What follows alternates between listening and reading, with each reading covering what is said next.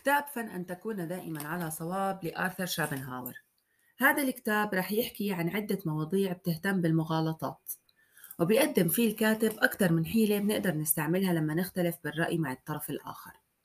رح أحكي عن شوية من الأساليب المذكورة بالكتاب وبنصحكم تقرأوه لأنه رح يساعدكم كتير بإنكم تدخلوا أي نقاش وتقدروا تثبتوا وجهة نظركم.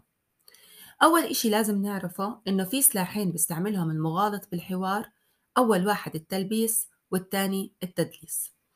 عشان نقدر نبين المغالطة بكلام الخصم بدنا نظهر مكمن المغالطة ونتصدى لها وننقدها. ورح يلجأ الطرف الثاني لعدة طرق من التضليل والتغليط عشان هو كمان يثبت حجته. شوبنهاور بهذا الكتاب أعطانا 38 حيلة لغوية. نقدر نثبت فيها حجتها حجتنا ونخلي الطرف الثاني يتقبلها ويمررها. أول أول حيلة اللي هي الاتساع. شو يعني الاتساع؟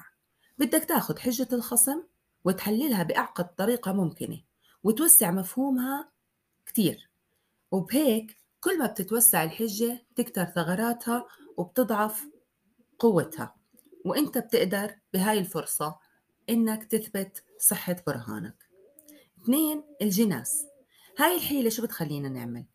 بنروح مع الطرف الثاني بالتشبيهات لحجته وكل ما بيعطي تبرير بنرجع بنعطي تشبيه لحد ما تضعف الحجة الأساسية. تعميم حجج نقيضة. يعني أول إشي بدي أتعامل مع إثباته إنه مش مقنع ولا ولا قوي بسيط جدا وأغير الموضوع وأرجع أبطل حجته.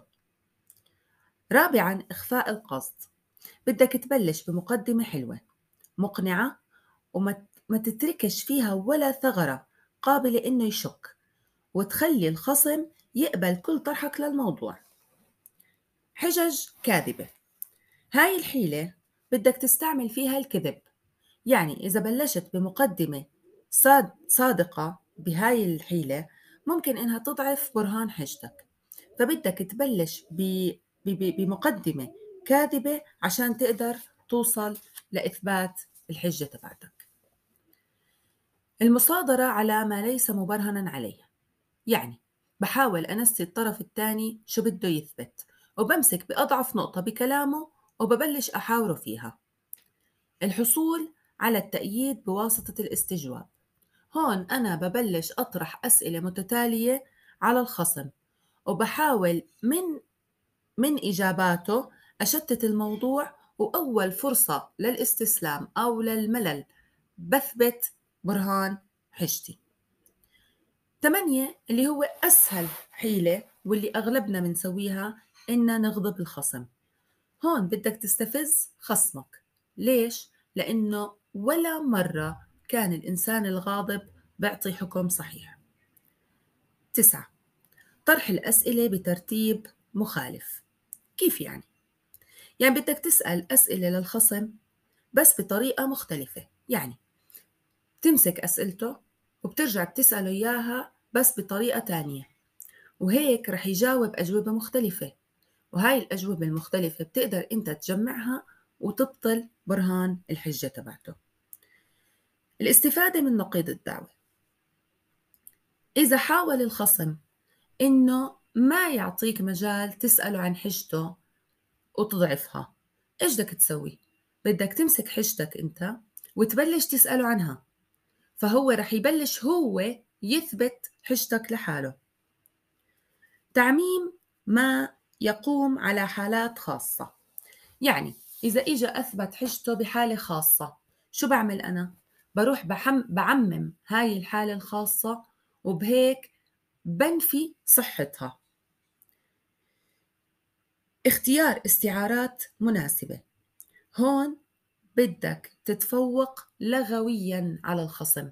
يعني إذا هو عمل تشبيه لبرهانه أنت بدك تثبت برهانك بتشبيه أبلغ لغويا. طبعا وفي حيل كتير إحنا حكينا 38 حيلة حكى عنهم شوبنهاور منها إعلان الفوز رغم الخسارة استعمال حجج غير معقولة حجة على الذات.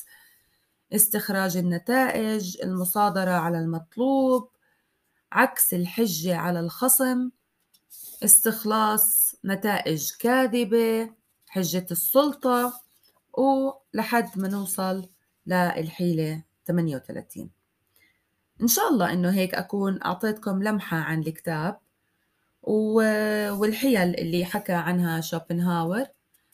إن شاء الله إنه كمان يكون عجبكم هالموضوع و يعني تقدروا إنكم تقرأوه أو يحمسكم إنكم تقرأوه شكرا لاستماعكم وبلتقيكم بكتاب جديد.